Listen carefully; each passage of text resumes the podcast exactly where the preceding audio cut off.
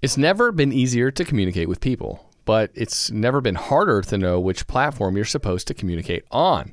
Here's a simpler solution. With call, meet, and message all in one app, RingCentral makes communication easy.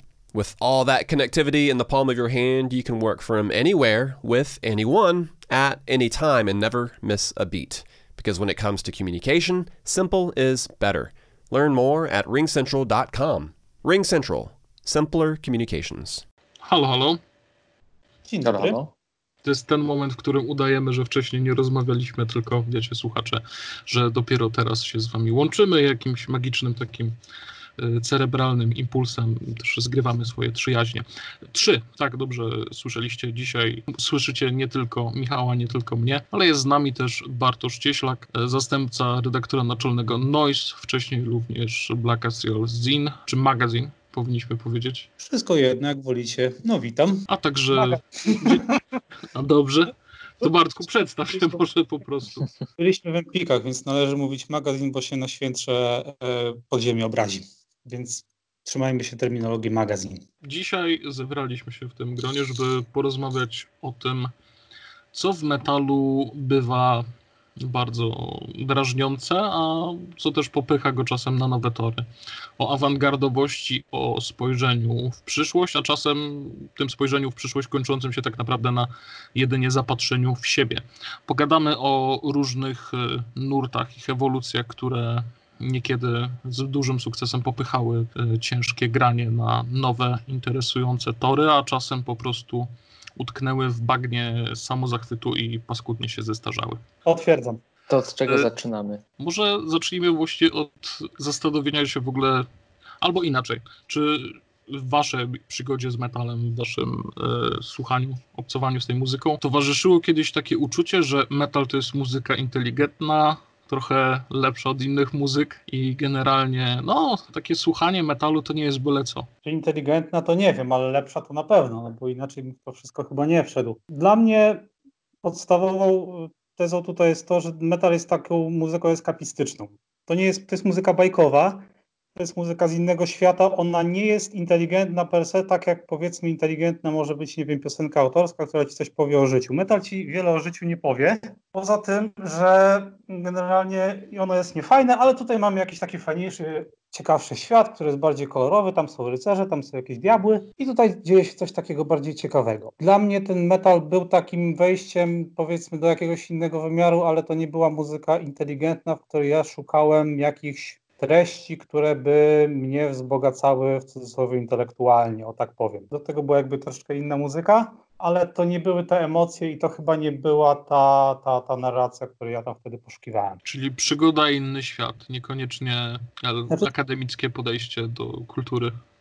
No zasadniczo tak, no zresztą jak, jak, się ma, jak się ma te 15 czy 14 lat, no to jakiejś tam, jakiej tam inteligencji można poszukiwać, tak? I, I czego oczekiwać akurat po, nie wiem, po jakimś ekstremalnym metalu, który, który opowiada albo o trupach, albo o diable. To, to nie było to, czego ja osobiście szukałem, ale tak oczywiście uważałem, że to jest muzyka lepsza od innych. No, jak, jak, jak, jak, z jakiego innego założenia mógłbym wychodzić słuchając jej? No to chyba jest w ogóle takie mm, podejście, które cechuje osoby wchodzące w ten, w ten gatunek i e, czasami nie opuszcza niektórych i, i myślą dalej, że to jest, to jest ten pik, to jest ten, ten sufit, powyżej tego nic nie ma. Ja miałem coś takiego mając te, te naście lat, e, myśląc, że to jest już coś na tyle w muzyce tak, tak wysoko, tak inteligentnego, bo żeby grać taką muzykę trzeba mieć umiejętności, tak mi się przynajmniej wtedy wydawało, na, na nie wiadomo jak wysokim poziomie, że miałem przez, przez chwilę takie podejście, słucham tego, bo to jest rzeczywiście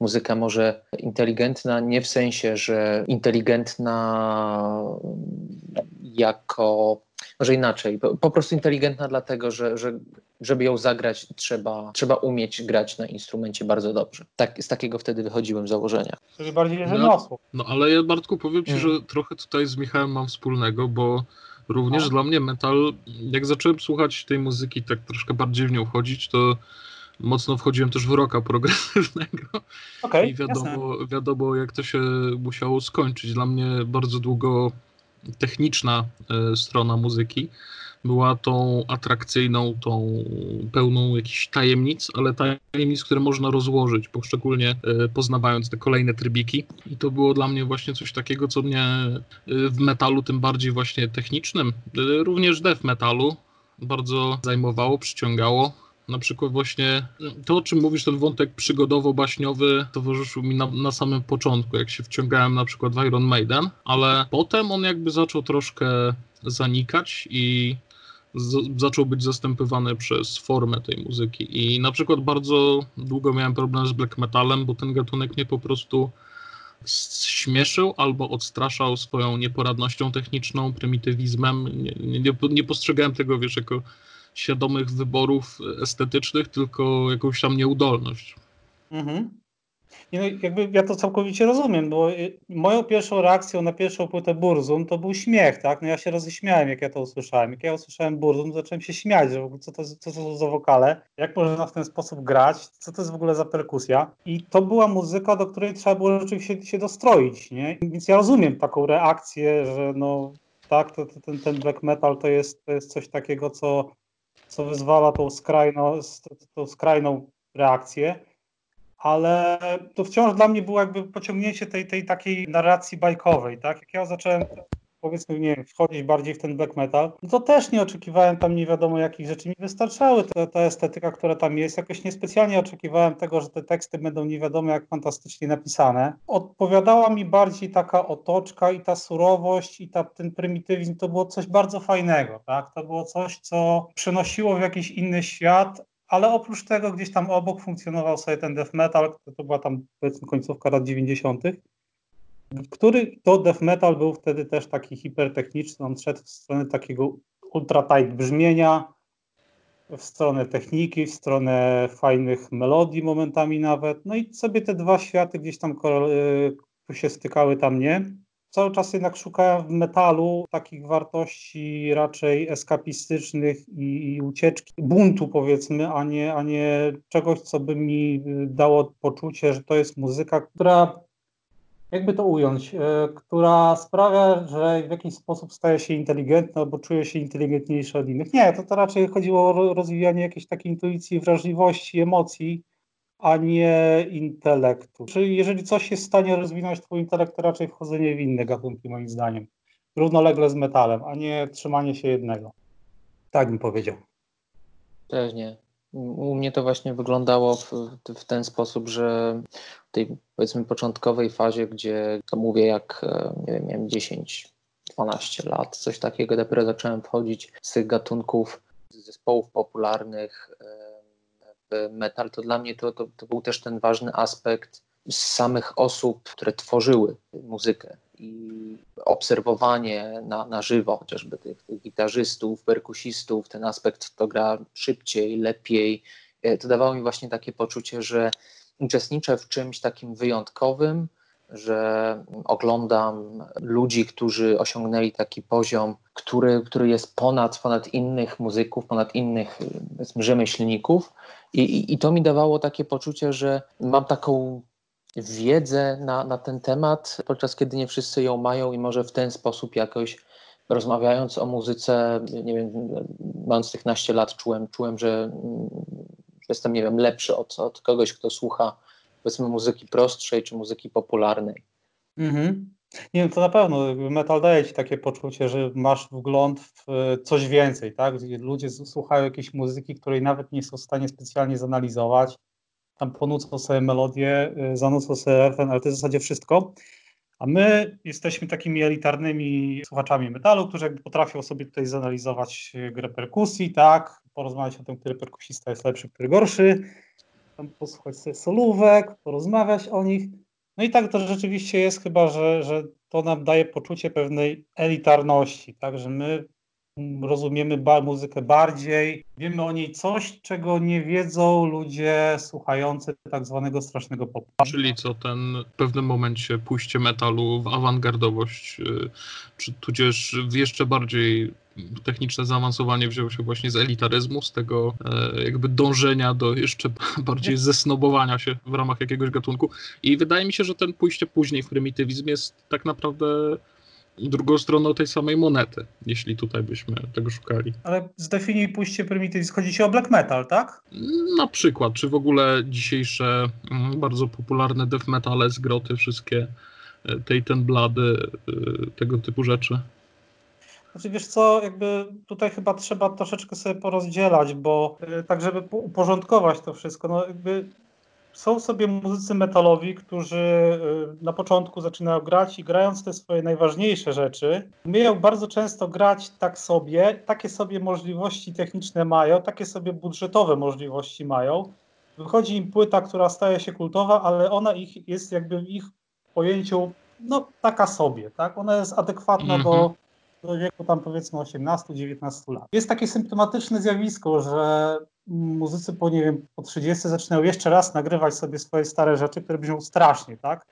Których się słuchać nie da bardzo często, bo są takie wycyzelowane i bardzo bezduszne i oni wtedy mówią, no myśmy chcieli, żeby to brzmiało tak od początku, tak? Myśmy od początku chcieli, żeby nasza muzyka brzmiała, ale nie umieliśmy tego, nie potrafiliśmy tego, nie mieliśmy dobrego studia, yy, nie było takich możliwości, jak są dzisiaj, nie?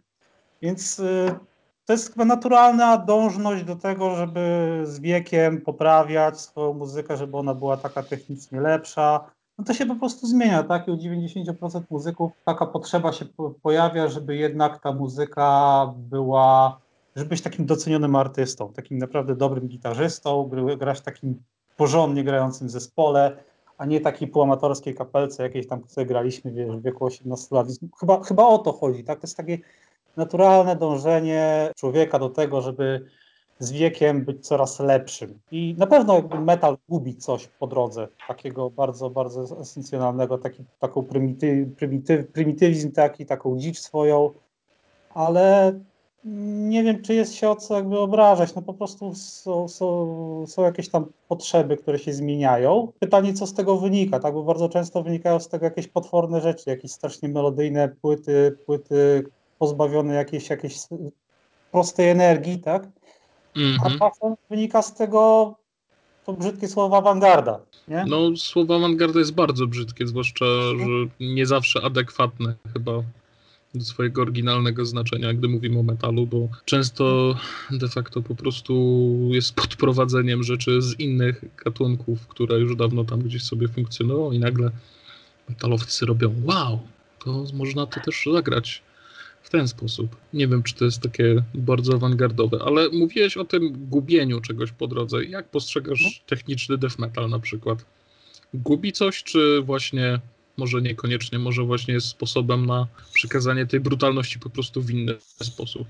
Ja zawsze, jak, ja, inaczej, za tak zwany, przepraszam za, takie stereopianową, za, za tą stereopianową manierę, której sam nie cierpię, ale za moich czasów to było tak, no że był death metal i zasadniczo nie było takiego wyraźnego podziału na to, że coś jest na przykład tym death metalem bardziej technicznym, a czymś jest taki, coś jest takim fajnym death metalem, takim surowym, wiecie, takim punkowym. To też były czasy, kiedy za, za bardzo tego punkowego aspektu się nie dostrzegało, bo, on był, bo to były rozdzielne sceny i było się też młodym, trochę mniej się o tej muzyce wiedziało. No ale ten death metal był takim, takim zjawiskiem, którego się słuchało jako jedno, tak? I tam się mógł pojawić e, Dismember i mógł się pojawić, e, nie wiem, Walter Remains i Crisium i mógł się pojawić Malevolent Creation i te późniejsze płyty Death i mógł się pojawić Cryptopsy, który się w pewnym momencie też pojawił i Nile się pojawił i nikt jakby nie zastanawiał się nad tym, czy to jest oldschoolowe, czy to jest fajne, bo to jest stare, czy to jest zbyt nowe, a może to jest za mało nowe, a może to już taką ramotą śmierdzi. Prawdziwi tacy fani postrzegali to jako, jako jedną. Tam się później troszeczkę to podzieliło. Ja mam wrażenie, że tą fosę wykopano w momencie, kiedy przyszedł ten revival szwedzkiego death metalu. Tak gdzieś circa 2010 rok. To wtedy ktoś powiedział, ktoś wymyślił, że tutaj jest ten fajny death metal, który jest taki oldschoolowy, a tam jest ten słaby, który jest ten taki techniczny i my tak tego już nie lubimy. I ja z wiekiem też się bardziej, coraz bardziej skłaniałem w, w stronę tych, tych takich bardziej pierwotnych form tego death metalu. Tym bardziej, że ten techniczny death metal też już coś powoli tam kapcaniał i się robił też coraz mniej atrakcyjny muzycznie. ale to nie jest tak. Ja, ja po prostu ja sprzeciwiał się tej, tej, tej, tej narracji, która dzieli death metal na jedyny słuszny, oldschoolowy, fajny, stary i demówki nihilist i, i ten taki słaby, dziadowski, techniczny, triggerowany Gary, czyli Cryptops. I tak jakby moim zdaniem jakby no, po co wybierać, najlepiej wziąć obie, tak? No jasne. O tej fosie myślę, że za chwilę jeszcze pogadamy, ale Michał wiem, że jesteś fanem dev. Fanem dev tak, ale I to, to tych, tego późniejszego. Tak, tego, zwłaszcza tego przedostatniego symbolik, ale to też jest u mnie związane z mm, tym, że dev usłyszałem jak w tych, w tych czasach, y, w tym momencie swojego życia, kiedy najbardziej chłonąłem muzykę, byłem najbardziej właśnie tak, szukałem czegoś, co mnie zmiecie, no i to też o czym mówiłem w, wcześniej, ten pozycja takiego rzemieślnika, trochę showmana, trochę y, półboga stojącego na scenie i, i, i robiącego y, na gryfie coś, co, co, co mi się nigdy w, w życiu nie, nie, nie wyobrażało, że można zrobić. No i taką, taką postacią był dla mnie przez, przez pewien czas Schuldiner. Zwłaszcza właśnie te mm, jego ostatnie y, dokonania, gdzie on już wchodził w takie bardziej jakieś melodyjne rzeczy, gdzie powoli ta, ta agresja zaczęła odchodzić na, na inne plany, a ważne było to ten aspekt melodyjny i, i, i wręcz czasami taki jakiś bajkowy wręcz. No jak dla mnie są takie momenty chociażby na, na symbolik, które są, są bardzo takie w swojej melodyjności, wręcz ocierające się o, o heavy metal i o te takie bajkowe właśnie motywy, ale poza, poza dev raczej, raczej w, w, w, taką scenę nie wsiąkłem. Przez chwilę słuchałem technicznego dev metalu, ale to zaraz na początku, jak, jak zaczęła ta scena się nakręcać. I to też mnie szybko zniechęciło ten jej błyskawiczny rozwój, gdzie te zespoły tak naprawdę nie miały czasu, żeby się jakoś rozwinąć muzycznie, a pojawiała się kopia kopii z wyczyszczonym e, brzmieniem, z produkcją taką cyfrową, gdzie było bardziej, gdzie to bardziej brzmiało, jak jakby to było robione od po prostu od, od linii i no, przykład chociażby Rings of Saturn. Mhm. A Michał, tak. powiedz mi, ten, e, ten dev, on się u Ciebie pojawił jako konsekwencja zainteresowania metalem progresywnym, czy jakąś już wcześniejszą, nie wiem... Trash metalowy. Trash metalem bardziej. Mhm. Okay. Bardziej wychodząc od trash metalu, od Slayera, a potem właśnie szukając, e, wchodząc powoli w ten death metal, to, to właśnie death najbardziej jakoś mnie zainteresował i szedłem tak mniej więcej od środka i zarówno słuchając jednocześnie tych starszych albumów, jak i nowszych, no ale te, te, te nowsze mnie wciągnęły jednak e, to, co widzę teraz też e, po czasie, przez to, że bardziej poszukiwałem jakiejś takiej też klarowności w tym, jednocześnie szukając tej brutalności, ale nie, nie idąc w, w skrajności. Dlatego może nigdy tak jakoś mocno nie, nie wsiąkłem w w black metal jako gatunek, a, a jedynie jakieś poszczególne projekty. Ja zapamiętałem ten, ten późniejszy dev, ten schyłkowy, jako właśnie ten zespół, który przerzucał trochę taki most między tym death metalem dla fanów death metalu, a czymś takim w cudzysłowie ambitniejszym, co przemawiało też do ludzi, którzy słuchali niekoniecznie takich właśnie form death metalowych, ale ten dev był, był takim melodyjnym, rozbudowanym, progresywnym metalem, no bo to trzeba sobie wprost powiedzieć, że ten, ta ostatnia płyta no to jest taki no to, jest taki metal progresywny tak naprawdę. Mm -hmm. Trochę dziwnym wokalem. Zresztą jakby na, na pierwszej wersji tej płyty to, to był jeszcze inny wokal, tak? To, to, już, to już nie był taki death metal, natomiast była kiedyś taka trójca, którą się wymieniało jednym tchem, to był Def, Ateist i Cynik. I w zasadzie chyba tylko Def się jakoś tak szerzej przebił poza, poza poletko, bo całe pozostałe dwa, no to już tak pozostały raczej chyba w niszy. Nie wiem, czy, czy, czy wyście do nich jakoś dotarli przez ten dev. Ale to, to była tak ja dotarłem, ja dotarłem do Atheist, e, bo to ja też również. E, był mniej więcej ten moment, jak oni wracali i, i, i wydawali e, album po, po przerwie, ale z Synik się jakoś nigdy nie mogłem um, osłuchać. To już było dla mnie za, za dużo miejscami. Za bardzo progresywnie. Mhm. No Synik no, Staszek by mógł się wypowiedzieć chyba. Ja również słuchałem tego zespołu, ale nie aż tak dużo. Atheist za to bardzo mi się podobał, ale wydaje mi się nawet, że to nie muzyka tutaj przesądziła o tej kultowości Def akurat, tylko legenda i miejsce w historii bardziej niż faktycznie e, to, co było na ostatniej płycie zestawione z tym, co równolegle robili Cynic albo Atheist, nie? Miejsce Nie wydaje wam się? To Co masz na myśli mówiąc miejsce w historii? No, Def jako w ogóle zespół, który był dosyć pionierski, plus y, A. historia Czaka, no wydaje mi się, że po prostu herosi, którzy już przeszli na tamten świat, no, szczególnie są przez ludzi lubiani albo mitologizowani chętnie. Mhm. Znaczy, wydaje mi się, że ten Dev był mitologizowany już za życia, przynajmniej tak ja to zapamiętałem, że to rzeczywiście był bardzo duży zespół, który miał bardzo duży, dużą fanbazę. No i rzeczywiście był takim trochę bezprecedensowym zespołem, tak, bo ateist y, już wtedy nie istniał i, i też już za życia y, grał trochę inaczej. To była taka muzyka, która już też była momentami nie do przejścia, te wszystkie samby i tak dalej na, na ostatniej płycie przedrozpadowej. Cynik posypał się też bardzo szybko i też te wo- wokoderowe wokale to już wyalienowały grubą część fanbazy. A Def to był taki zespół, który mam wrażenie nie do końca pozostał legitny no i dosyć dłużej istniał przede wszystkim. No i też wyprzedzili cały ten gatunek, yy, czy dobrze, czy źle, czy, czy, czy w słusznym kierunku, to jest jakby inna sprawa, ale oni pozostali charakterystyczni, jedyni w swoim rodzaju do końca. No i e, jakby wracając do meritum naszej, na, na naszej rozmowy, do tego głównego tematu, to mam wrażenie, że to był właśnie zespół, który jakoś dawał poczucie tym metalowcom, że słuchają czegoś bardziej inteligentnego, inteligentniejszego.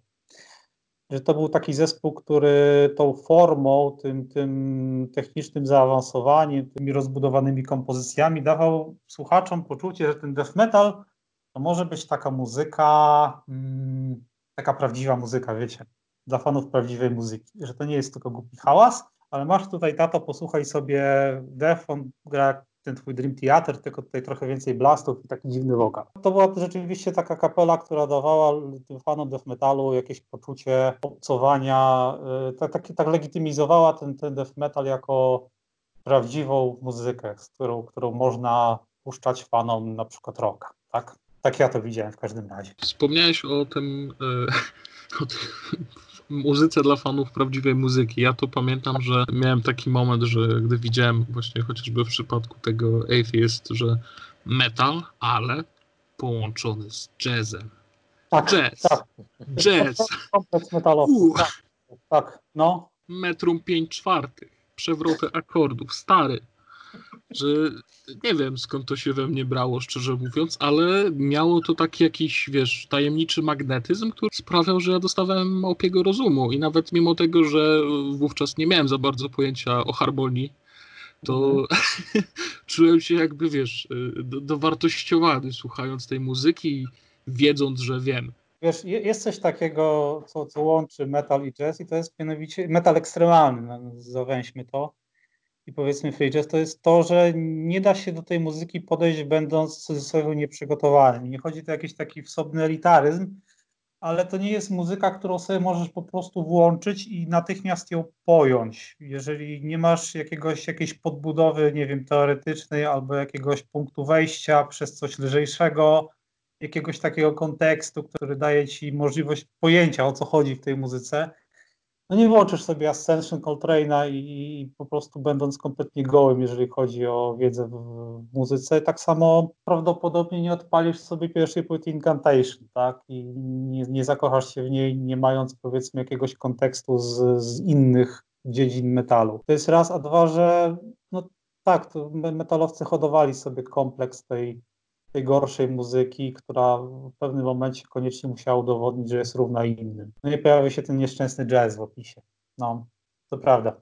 I pojawił się metal progresywny. No to y, właśnie w, w podobny sposób jakoś też tak odbierałem, trochę na zasadzie jakiś obiadek y, z, z rodziną i ta ciocia czy babcia mówi, o bo ty słuchasz jazgotu, a ja mówię, nie, nie, to jest inteligentna muzyka, ona ma tam jazz. To są świetni muzycy babci, przecież oni, jak oni Mhm. grają, oni to świetnie trzeba umieć. Trzeba umieć, tak.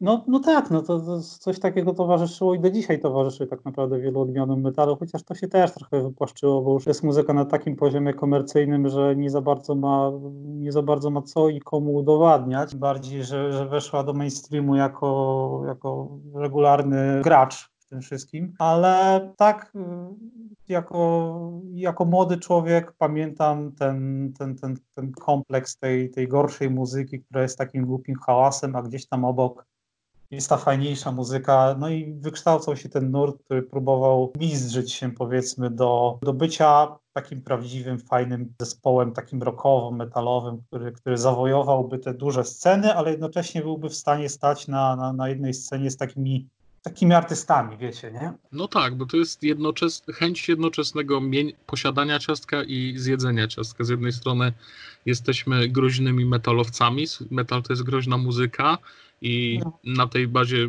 budujemy swoją elitarność. Z drugiej strony, ale to nie jest wcale tak, że to jest taka tylko prymitywna muzyka, ona też na tym poziomie formalnym jest lepsza niż inne muzyki, w cudzysłowie oczywiście. Przychodzą wam na myśl jacyś artyści, którzy faktycznie usiedli okrakiem na tym płocie i się nie pokaleczyli? Opet myślę trochę próbuje, ale oni bardziej na tej zasadzie mm, że grają zarówno te swoje wcześniejsze albumy, bardziej death metalowe, jak i teraz te, te swoje progresywne. Nie wiem, oni robią chociażby w ten sposób, że jeżdżą zarówno na te rockowe czy, czy progin parki, i, i, grają tam te metalowe rzeczy, albo jeżdżą na, na metalowe koncerty, grają te swoje y, progresywne, ale zespół, który, który tak okrakiem powiedzmy między, między tym, no to, to, to myślę, że wy będziecie mieli więcej takich przykładów. To mi przychodzi do głowy przede wszystkim Enslaved, tak od dobrych 15 lat. Y, to, co robi Isan i może, może to, co robi Devin Townsend, dlatego, że jakby dla mnie Devin mi, się da, mi, mi osobiście Devin Townsend zakodował się jako człowiek, który nagrał City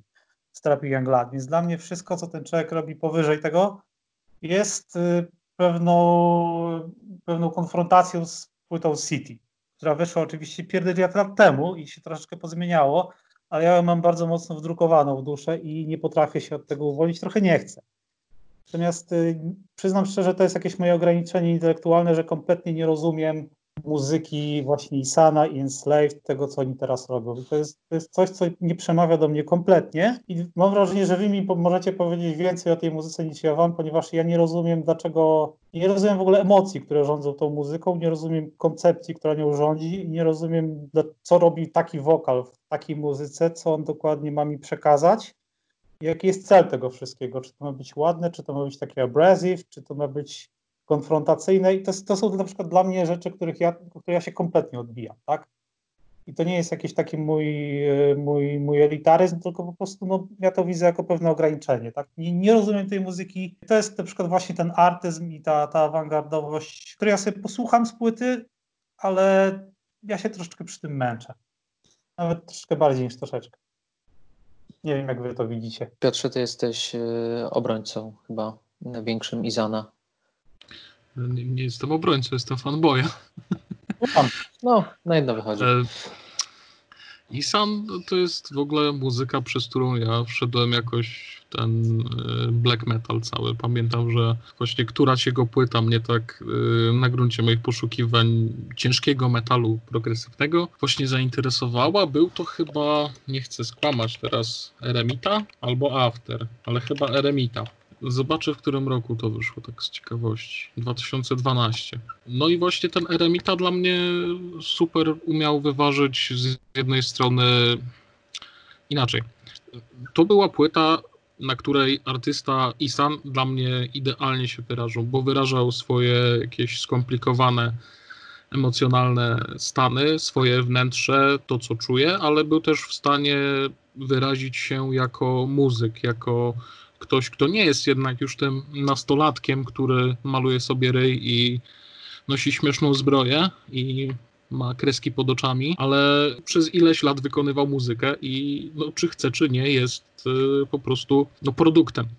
Jako człowiek jest produktem wykonywania tej muzyki przez te naście lat. Świetnie dla mnie ta płyta po prostu wyważyła tą jego stronę rzemieślniczą z, ze stroną artystyczną. Potem wszedłem w Emperor, potem wszedłem w resztę black metalu, a Isana lubię do tej pory, chociaż faktycznie nie wszystkie jego płyty uważam za równie udane. W...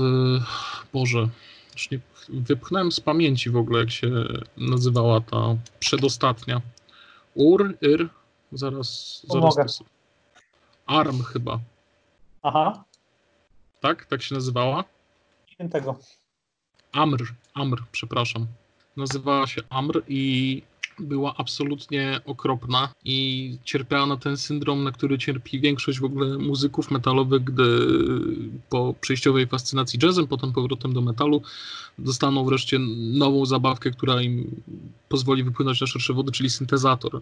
Była po prostu absolutnie okropna ta płyta, łącząca jakieś takie bondowskie orkiestracje z Ewangelisem dla biedaków. No, nie dało się tego w żaden sposób słuchać. Natomiast Arctis Bartku myślę, że Ci się spodobała, czyli przed Amber jeszcze, jeszcze płyta, która naprawdę łączy chyba najfajniejsze momenty w dorobku Izana z najfajniejszymi momentami muzyki rockowej w ogóle, bo jest i, i mroczna metalowa, black metal, mroczna black metalowa, ale też bardzo rockowa, przybojowa. Nie no, opisuję przesłuchać na emeryturze, ale to już jakby dosyć niedługo. Y, wiesz co, ja co jakiś czas robię sobie przelot z takimi płytami, co do których wiem, że nie wiem, ileś tam lat temu mm, się od nich odbiłem, no ale może dzisiaj sprawdzę, czy mi się jakoś wrażliwości nagięła i bardzo często okazuje się, że nie ma sensu.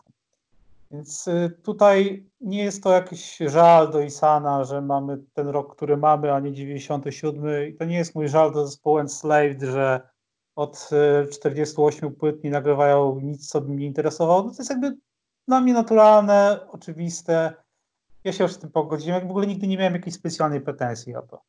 Raczej, raczej cieszyłem się, że bardzo długo było nam razem fajnie i nie muszę, to, to nie jest małżeństwo, tak? Nie musimy tutaj sobie robić rozwodu, tylko po prostu nie słuchamy się nawzajem i tyle. Nie gadamy ze sobą i nie musimy być ze sobą do grobowej deski. To jest kwestia estetyki gatunku i pewnych moich ograniczeń, co do których po prostu ja, ja już tego nie przezwyciężę. Nie, nie kupię nigdy metalu progresywnego, to się nie wydarzy są, będą jakieś wyjątki, które będą potwierdzać te reguły, ale nie widzę siebie słuchającego Isana. Ja jakby ten Isan był dla mnie człowiekiem właśnie tym, tym, tym gościem z kreskami pod oczami, który nagrywał tego Emperora wczesnego, ale on go nagrywał w tym składzie, który, którym go nagrywał. On go nagrywał z Samotem, który był twardogłowym metalowcem.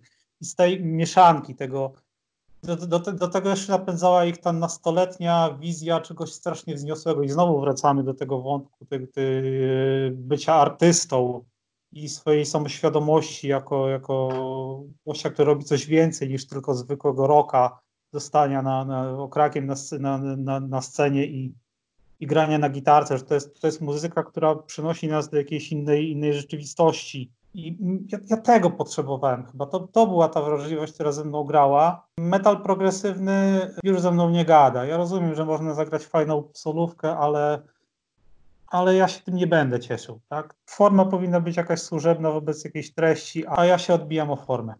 Więc możemy sobie poteoretyzować o Isanie.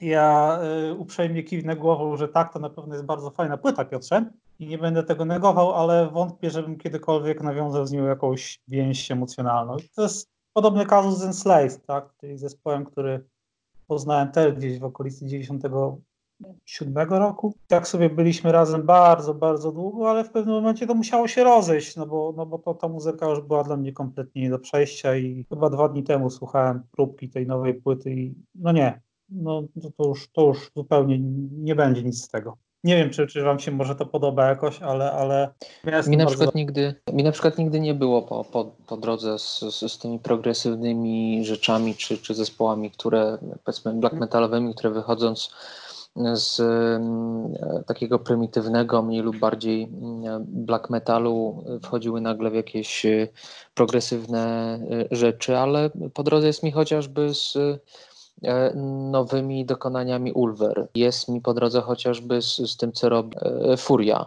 E, nie wiem, jak to, jak to u Was jest. Jeżeli ja mam się wypowiedzieć, to dla mnie Furia jest już dzisiaj jednym z zespołów życia. To jest, mm. to jest bezprecedensowe zjawisko, tylko że jest, ono jest, dla mnie Furia jest kompletnie na kontrze do tego wszystkiego, o czym ja mówiłem wcześniej. To jakby to nie jest dla mnie żadna awangarda, w tym sensie, że w jakim rozmawialiśmy o tym, że to nie jest y, jakby próba legitymizacji swojej muzyki jako równej rockowi progresywnemu albo szukania tych samych wartości, co, co, co, co z, z rockiem progresywnym, albo jakimś, jakichś punktów stycznych. To, co robi Furia, jest dla mnie uprymitywnianiem swojej muzyki.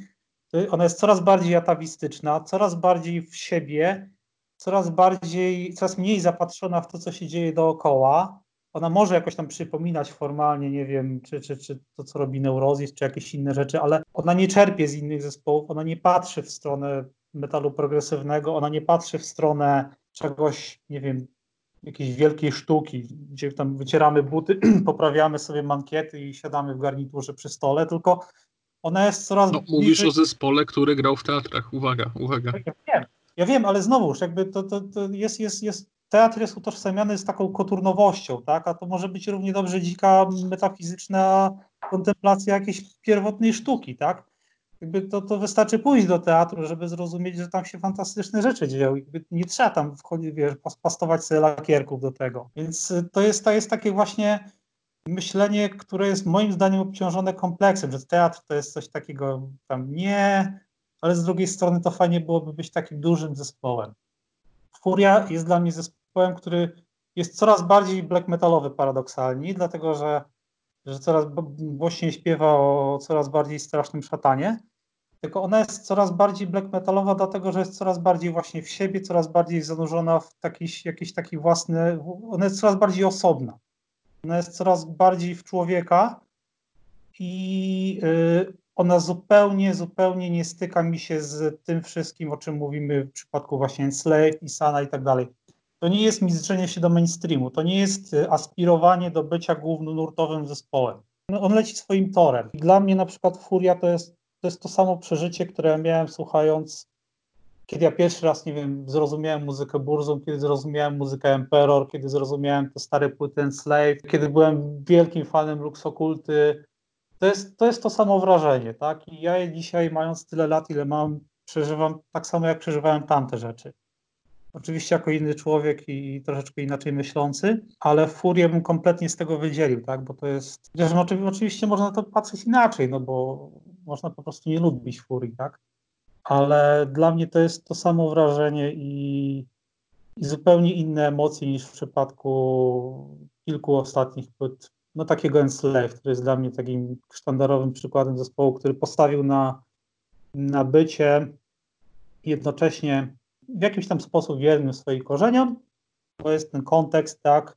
Są te wokale, które się raczej nie zmieniły aż tak. A z drugiej strony chce grać na dużych festiwalach jako taka legitna gwiazda, zdobywać te wszystkie nagrody mainstreamowe i tak dalej. No nie, nie, mam pretensji, ale mimo wszystko to jest, to jest jednak zespół, który jest już dzisiaj zupełnie gdzie indziej. Rozgadałem się, przepraszam. Troszeczkę. Bardzo dobrze, nas to cieszy. E, obiecuję, Michał, że do Ulwera zaraz jeszcze przejdziemy, ale a propos Furii, e, również Furię e, uwielbiam. Bardzo pasuje mi to, co teraz robią, to, co, w którą stronę zmierzają. Aczkolwiek do, do nich, to może zabrzmi paradoksalnie, ale też zainteresowałem się nimi przez roka progresywnego. To o. był jeden, jedyny wyjątek zespołów black metalowych, które byłem w stanie słuchać jako pierwsze, hmm. ponieważ y, kumpel z klasy puścił mi epkę Halny. I zostałem oczarowany. Dla mnie to było po prostu black metalowe e, Echoes Pink Floyd trochę. Mm, Okej, okay. kupuję taką interpretację, bo to rzeczywiście tam, to, to jest specyficzna muzyka i tam można znaleźć, nie wiem, coś, coś postrokowego nawet, wszystkiego wczesno postrokowego. Natomiast a, a propos tak? o samej awangardowości Furii.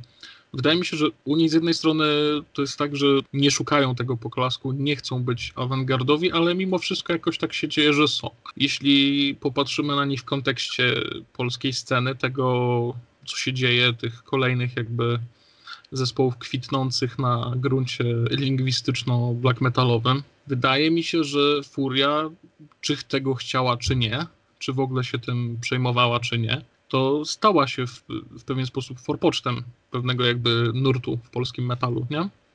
Jasne. Oczywiście, bez dwóch zdań pewnie. Mhm. Zdecydowanie. Są rzeczy, są rzeczy, na które masz wpływ i są rzeczy, na które nie masz wpływu. Są rzeczy, które robisz świadomie i są sprawy, którym, i są rzeczy, które jakby przychodzą w momencie, kiedy ludzie próbują cię opisać. I wtedy dowiadujesz się, że jesteś artystą awangardowym, że jesteś Nikiforem polskiego metalu, że przełamałeś pewne bariery, ała, ała. i niesamowite rzeczy, a, o, a tak naprawdę myślisz być może o sobie, że po prostu sobie grasz co chcesz, albo grasz cały czas ten swój black metal, tak? Strasznie podoba to, co, to, co mówią o swojej muzyce, na przykład Mikołaj z, z Mgły, który mówi, że po prostu gra w black metal, tak? A cała reszta to jest, to jest coś, co ludzie w jakiś sposób próbują sobie do tego dointerpretować. Więc y, dla mnie awangardowość Furii jest taką próbą, wynika z tego, że po prostu ludzie próbują znaleźć na to jakiś tag. To jest jedyny, który pasuje. Albo w jakiś sposób zna próbują znaleźć na ten zespół jakąś pałę i grzmotność tą pałą w ten zespół, bo nie pasuje im do pewnej wizji black metalu, którą oni mają, więc zaczynają walić w niego takim takim argumentem, że no tutaj wielcy artyści o i tak, a to kiedyś był taki fajny zespół. Ja widzę pewną konsekwencję w tym wszystkim i dla mnie to jest cały czas ta sama droga i rozwijanie pewnej tej samej koncepcji. Ja nie widzę jakiegoś takiego twardego przełomu w furii, że w pewnym momencie ten zespół się jakiś straszliwie zmienił albo straszliwie zepsuł, albo pojawiło się coś takiego naprawdę drastycznie nowego. Między pierwszą płytą a tą ostatnią i wszystko, co było pomiędzy, jest dla mnie dosyć spójne i konsekwentne, atrakcyjne, nowe, świeże, ale to jest cały czas ta sama wypowiedź. To są różne warianty tego samego komunikatu, który mi się bardzo podoba, tak powiem. To nie jest ta definicja awangardowości, o której ja myślę. Oni są bardzo wsobni. Tak ja ich czuję. Albo tak chcę ich czuć. Faktycznie jest coś takiego, że jeśli weźmiesz pierwszą płytę Furii i weźmiesz Księżyc Milczy Luty, no to robi się rozdźwięk, jeśli nie znasz tego pomostu, ale jeśli znasz ten pomost, no to jest ten wniosek, że furia robi się po prostu coraz bardziej furiowa z czasem. Dla mnie może troszeczkę zmieniła się forma, tak? Być może ta, ta, ta konwencja stała się mniej norwesko-black metalowa. No właśnie i to jest to. To jest moje subiektywne odczucie. Ja nie widzę tego jako rozdźwięk. Ja widzę tutaj bardzo, bardzo dużą konsekwencję i i myślenie tą samą, cały czas tę samą wrażliwość, która po prostu została ubrana w trochę mniej blastu. Ale jestem w stanie widzieć tutaj, że to jest ten sam zespół. Rozdźwięk mogę widzieć między pierwszym Ulwerem a ostatnim Ulwerem. To jest rozdźwięk, tak? No dobra, a... to skoro już przy Ulwerze. Ale tak, no to możemy przejść do Ulwera, bo to jest rzeczywiście ciekawy case. No słucham waszych opinii o Ulwerze, kochani. No u mnie to tak na przykład wyglądało, że... Kto się wyrwie? Ja mogę się, się wyrwać. Y, y, ja nie, nie siedziałem w Ulver tym black metalowym nigdy. Y, nie dane mi było jakoś w muzykę Ulver wcześniej wsiąknąć, chociaż ją uznałem, ale tak na, na, na dobre mi właśnie Assassination of Julius Caesar pojawił się w takim momencie odpowiednim dla mnie, kiedy, kiedy szukałem rzeczywiście, też nieco siedziałem w e, muzyce czerpiącej chociażby z lat 80. I, i, i wcześniej. I o ile sporo projektów mnie takim swoim bezmyślnym kopiowaniem tego, co się działo wtedy e, w, w muzyce, tak e, Ulver, mimo że często nie jest jakoś bardzo odkrywczy w tym, to po prostu mi cała ta atmosfera i, i, i cały ten, te, te historie stworzone na tym albumie po prostu no kliknęły, po prostu się tam mi to zgodziło. Ale no, no tak jak mówię, mm. nigdy nie byłem jakimś, jakimś wielkim fanem ich e, poprzednich dokonań. Nic tam ja też bardzo... Mm. Przepraszam, to nic kompletnie z tych starych Ulverów, bo oni nagrali jakby milion płyt, nie? I tam mm. nic kompletnie dla siebie nie znalazłeś tych poprzednich? Na dobrą sprawę nawet, y, nawet nie szukałem, bo jak ich y, no. poznałem, to, to, to tak naprawdę już wychodziłem trochę z, z black metalu i, i niekoniecznie akurat tego szukałem dla siebie. Niektórych płyt y, słuchałem i całkiem, całkiem fajnie mi się tego słuchało, ale jakoś nie wracałem do tego później. Musiałem sobie przypomnieć, jaki to był album, e, ale to może za, za chwilę. Chyba Baberktat, no ale, ale potem to jak też Shadows of the Sun e, usłyszałem, to, to trochę zacząłem w, bardziej wsiąkać w, w to, co, to, co później dokonał, no i właśnie tym, i, i właśnie już na, na, na dobre mi e, siadł e, Juliusz Cezar. Mhm, okej. Okay. Piotrek? No ja lubię i płytę z wilkiem, i płytę z krową. Okej. Okay. I, ber- I płytę z lasem też lubię. Aha. Ale dla mnie. Ja, ja poznawałem te dwa oblicza Ulver w miarę równocześnie. Mhm. Bo nie miałem możliwości no, z oczywistych względów poznawać ich muzyki e, chronologicznie, więc e, dla mnie nie było nigdy w tym jakiegoś takiego konfliktu. Nie czułem się zniesmaczony, że płyta Ulver, którą właśnie powsta- poznałem i jest płytą elektroniczną, jakoś się kłóci z płytą Ulver, którą poznaję dopiero teraz i z płytą black metalową. Nie miałem tutaj żadnego zgrzytu. Faktycznie, jeśli głębiej się nad tym zastanowię, to bardziej chyba do mnie przemawia to środkowe. Teraz tak chyba należałoby powiedzieć o Shadows of the Sun, e, hmm. oblicze Ulver. Juliusz Cezar jak najbardziej. Jeszcze dużym sentymentem darzę chyba nie, niekoniecznie uznawaną za dobrą messę która po prostu jak wyszła, to mnie zmiotła. Nie, nie znałem takiej muzyki wówczas za dużo. Było to dla mnie coś takiego zupełnie nowego, przerażającego pustką i bardzo, bardzo mi się spodobało. To, co ostatnio wypuszczali, no jakoś mniej mi to robi. Ten sygiel mhm. na walentynki jakoś mnie to nie zachwyca. A chyba właśnie Messe to też był taki mój pierwszy mm, kontakt z Ulver, jak teraz mówisz. Chyba nawet tymi, tymi to puszczałeś wtedy albo, mhm. albo nie, ale, a, ale tak właśnie kojarzę, kojarzę Messę.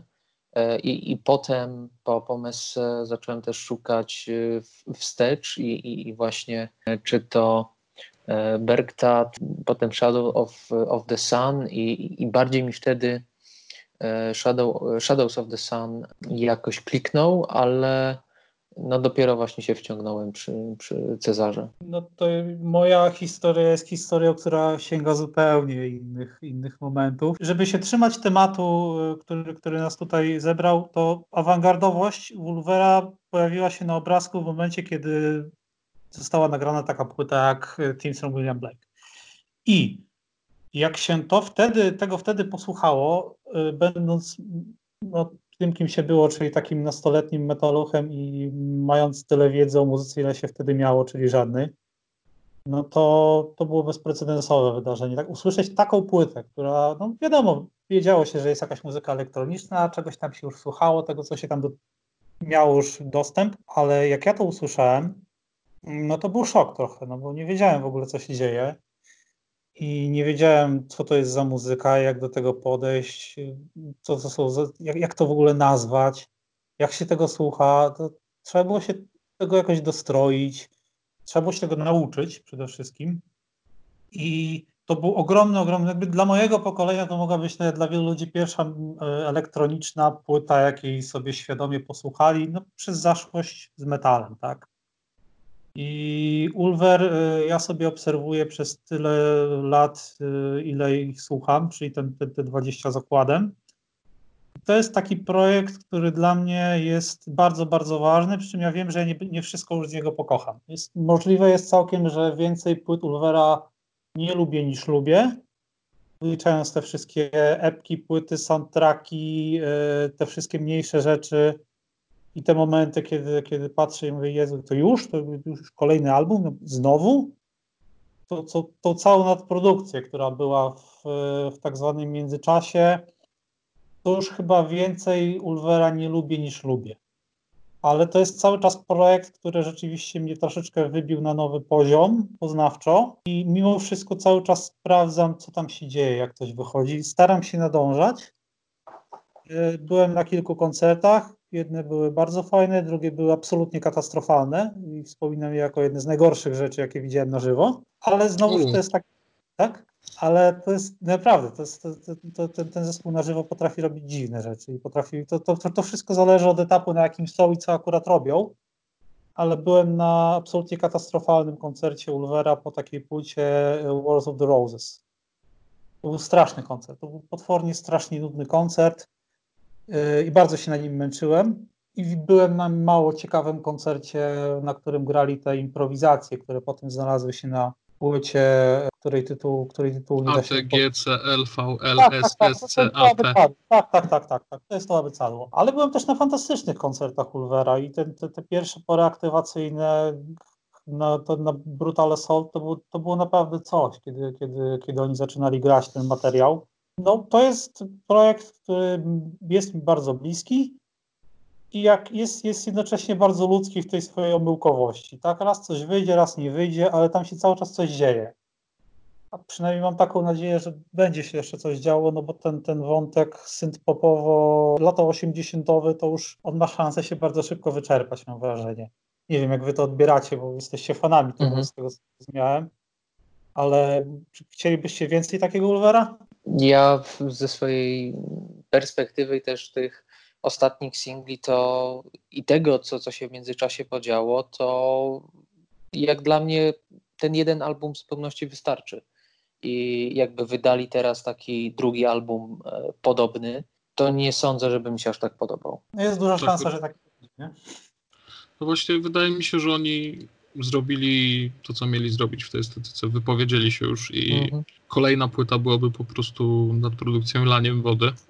Mhm. Natomiast chciałem zapytać Cię, Bartku, z racji wieku niestety, o, o Perdition City. Jak Ty wspominasz tą płytę i jak ją oceniasz z perspektywy też czasu, z perspektywy człowieka, no, który jednak troszkę tej muzyki posłuchał i trochę poza ten metal wyszedł, bo bardzo, bardzo rozbawiła mnie recenzja tej płyty na Pitchforku, która została opublikowana no w miarę tam blisko premiery, czyli rok 2001, tak, rok po premierze z tego co pamiętam. I y, właśnie w oczach recenzenta, który na metalu nie znał się w ogóle, natomiast obcykany był może w elektronice, w bardziej eksperymentalnych nurtach, to Ulver to był, byli tacy metalowcy zażynający w bardzo kwadratowy sposób coil na tej płycie. I Uprawnione. Briana Eno. Jest to uprawniona obserwacja z perspektywy człowieka zanurzonego w muzyce od Coil po Briana Eno. Tak. Nie zamierzam z nią polemizować, bo, bo to też nie o to chodzi. Jakby, y, tak, oczywiście y, percepcja y, muzyki zależy od tego, skąd przychodzisz. To będzie truizm, jeżeli powiem, że metalowcy bardzo często biorący się za bary z inną muzyką, po prostu tę muzykę zażynali. Tak, by, byłem tam, znowu tutaj styropian zgrzyta mi pod grzbietem, ale tak byłem kie- tam, kiedy wychodził ten Perdition City. Tylko, że to już było po Teams from William Blake, więc szok był mniejszy. Było mniej wokali, ta muzyka stała się bardziej kameralna, stała się bardziej taka wyciszona, ale też mam wrażenie, że ta granica otwartości słuchaczy też się już troszeczkę przesunęła, to znaczy no już ten, na ten Massive Attack się patrzyło troszeczkę przychylniej, wiedziało się, że taka muzyka jest. Było już po fali takiego industrialnego black metalu, gdzie też ta elektronika zaczęła nam się pojawiać na obrazku. Perdition City y, ja zapamiętałem jako piękny album z fantastycznym miejskim klimatem. Dla mnie to jest jakby odpowiednik Bergtat, tylko że z lasu przechodzimy do miasta. Ale lubię, lubię, te, lubię te dwa, dwa albumy postrzegać jako takie bratnio siostrzane. To jest podobna melancholia i podobne odcięcie człowieka w jakimś takim fraktalowym, nie, niejasnym otoczeniu, ale y, jedno jest miejskie, a drugie jest bardziej leśne. Tak, ja wiem, jak, jak jakkolwiek pretensjonalnie to brzmi, to, to tak właśnie lubię, to, lubię o, tych, o tych płytach myśleć, ale tak, no ja, ja, ja pamiętam tę płytę jako piękną, klimatyczną y, muzykę, do której lubię wracać, ale rozumiem, że z perspektywy kogoś, kto widzi to jako ekspert od muzyki elektronicznej, to to może być takie dosyć takie zajęcia wyrównawcze, wiecie. Nie mam problemu z taką oceną, moja jest inna, ale ona jest obciążona pewnym sentymentem. I też nie zamierzam przed nim uciekać, bo ja bardzo lubię swoje sentymenty. A wy w ogóle lubicie tę płytę? Tak bez, bez tego, tak, tego dziadowskiego bagażu? Lubię, ale moją ulubioną płytą miejską nie jest. Moja ulubiona miejska płyta to jest e, ojej, chińskie znaczki Birth of a New Day, vaporowy miejski ambient. Natomiast Perdition City nie jestem aż tak mocno związany emocjonalnie, po prostu bardziej, bardziej do mnie przemawiają właśnie chociażby Shadows of the Sun, Mesa, albo nawet współcześnie Juliusz Cezar. No, u mnie to, to też e, funkcjonuje, no bo tak naprawdę mm, kiedy już e, poznawałem Perdition City, to już było kilka dobrych lat po premierze tego albumu, ta muzyka nie była dla mnie jakaś już taka bardzo, bardzo odkrywcza, bardzo może mnie aż tak nie, nie, nie wciągnęła, nie, nie miała ani aspektu jakiegoś szokującego E, dla mnie jako y, metalowca, czy nie, nie miałem okazji się przywiązać, ale słuchałem, słuchałem zawsze z, z przyjemnością. Czy właśnie ocena, ocena tej płyty była zdeterminowana właśnie z czasami, kiedy no mówię, nie znało się za bardzo takiej muzyki. Ja nie znałem, nie znało się. Ja nie znałem takiej muzyki za bardzo. Nie miałem narzędzi do tego, żeby ocenić, czy ona jest dobra, czy zła ale była dla mnie czymś wyjątkowym. Nie znałem takich klimatów i gdzieś to się we mnie odbiło. Natomiast ja rozumiem, że to może brzmieć przestarzale, może brzmieć w jakiś sposób naiwnie, że te, te, te, te paterny, te, te, te klawiszowe, one nie są może jakieś rewelacyjne w stosunku do wszystkiego, co się działo w muzyce elektronicznej.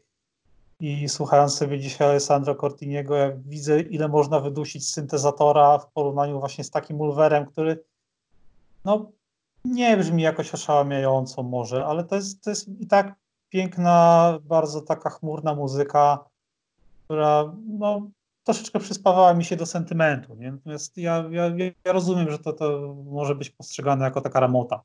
Tylko, że to jest hmm. pewna ramota, która miała swoje miejsce i czas i ja się na to miejsce i czas załapałem, więc yy, no, trzeba wziąć poprawkę na, na, takie, na takie kombatanckie gadanie. Ale wy mi jedną rzecz powiedzcie, czy wyście w ogóle jakkolwiek waszej perspektywy zauważyli coś takiego jak symfoniczny black metal? Czy to się gdzieś tam... Oczywiście. Was... Jeszcze jak. Ja, ja przynajmniej. No. Z lubością się oddawałem takiej muzyce kiedyś. Michał, nie wiem, czy. Nie, ja chyba nie. uniknął ja miałem zawsze takie, Ja miałem zawsze takie poczucie, że te, te, te organki Casio to jest już taka trochę tandeta. Mnie to, mnie to zawsze jakoś odrzucało. I, i nie byłem w stanie ani udźwignąć brzmienia tych organów, ani, ani tych symfonicznych e, naleciałości, ani, ani tego całego emocjonalnego e, pompatycznego etosu. Ja wręcz przeciwnie, wjechałem w to jak dzik w sosnę po prostu. Y, moje gimnazjum to jest bardzo, bardzo dużo Nightwishów, Dimmu Borgir, y, Cradle of Filth również, mhm. jeszcze paru, paru innych podobnych wynalazków. No, dla mnie się to chyba wyszpisywało w tę narrację baśniowo-bajkową, a nie awangardową akurat. Tutaj jakby dla mnie artystyczne pretensje tej muzyki, które być może występowały u twórców, którzy chcieli być bardzo symfo i w żabotach, y, dla mnie one nie miały dużego znaczenia. Ja to postrzegałem jako taką ulepszoną ścieżkę filmową do filmu fantazy. Mhm gdzie właśnie ta muzyka filmowa zderza się z filmów fantazy, zderza się z drugą najlepszą rzeczą na świecie, czyli z metalem. Przecież co, co może pójść nie tak? Przecież takie połączenie to musi być coś najlepszego na świecie. I faktycznie Dimmu Borgir, który poznałem chyba gdzieś przy Death Cult Armageddon, i później jeszcze Cradle of Filth, niektóre rzeczy, te troszkę wcześniejsze i trochę późniejsze, bo oni mieli też taki super cukierkowy okres z nymfetamin, który do mnie nie przemawiał specjalnie, nie był wystarczająco mroczno, zamkowo, smoczo zaczarowany. Mhm. To nie, no dla mnie, dla mnie ta muzyka była super wtedy. A potem pojawił się nagle taki moment, gdy stwierdziłem, że to jest straszny obciach, ja się tego strasznie wstydzę i zupełnie się od takiej muzyki odbijam. I odbijam się od niej do tej pory w tym wydaniu takim, gdy twórcy traktują siebie zupełnie serio, gdy ta symfonia faktycznie ma nadawać tego patosu. Natomiast zauważyłem, że bardzo podobają mi się rzeczy, które nawiązują do początków symfonicznego black metalu, e, do tych jeszcze właśnie pokracznych, bardziej Casio niż orkiestrowych rzeczy. Na przykład Wargraf, nie wiem czy kojarzysz. Zejście, tak. Mhm. Jasne. Po prostu, czy, czy chociażby te Golden Ashes, które z kolei zmienia to w pewną groteskę. No, mhm.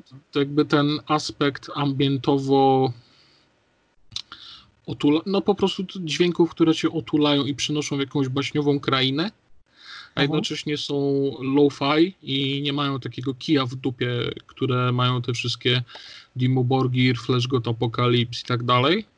Mhm. Do mnie teraz bardzo przemawia. Okej. Widzę w tym jakby odkupienie tego nurtu.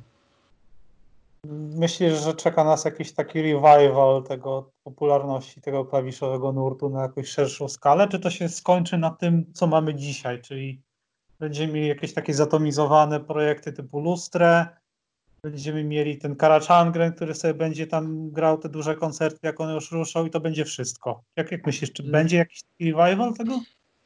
Znaczy revival wydaje mi się, że już jest. Natomiast y, rozdzieliłbym zjawisko Karach Angren i właśnie chociażby. Lustrę, bo dla mnie Karach Angren no to jest zespół ten właśnie z tych zespołów poważnie siebie traktujących i poważnie traktujących te wszystkie orkiestracje, a przynajmniej mm, w ten, ojejku, znaczy jedni i drudzy twórcy pewnie się poważnie do pewnego stopnia traktują, ale mam nadzieję, że nasi słuchacze wychwycą o co mi chodzi. Wychwycą różnicę między klawiszami w Karach Angren czy Dimmu Borgir, a chociażby w Summoning, tak, czy, czy Lustra. Wydaje mi się, że generalnie ten revival to jest e, sentyment do tego wczesnego, znaczy no, z dzisiejszej perspektywy wczesnego, z black metalu klawiszowego lat 90 Jasne. tylko zrobionego już z trochę lepszym osłuchaniem, wiedzą o muzyce i jednocześnie uderza w te sentymentalne nuty części słuchaczy,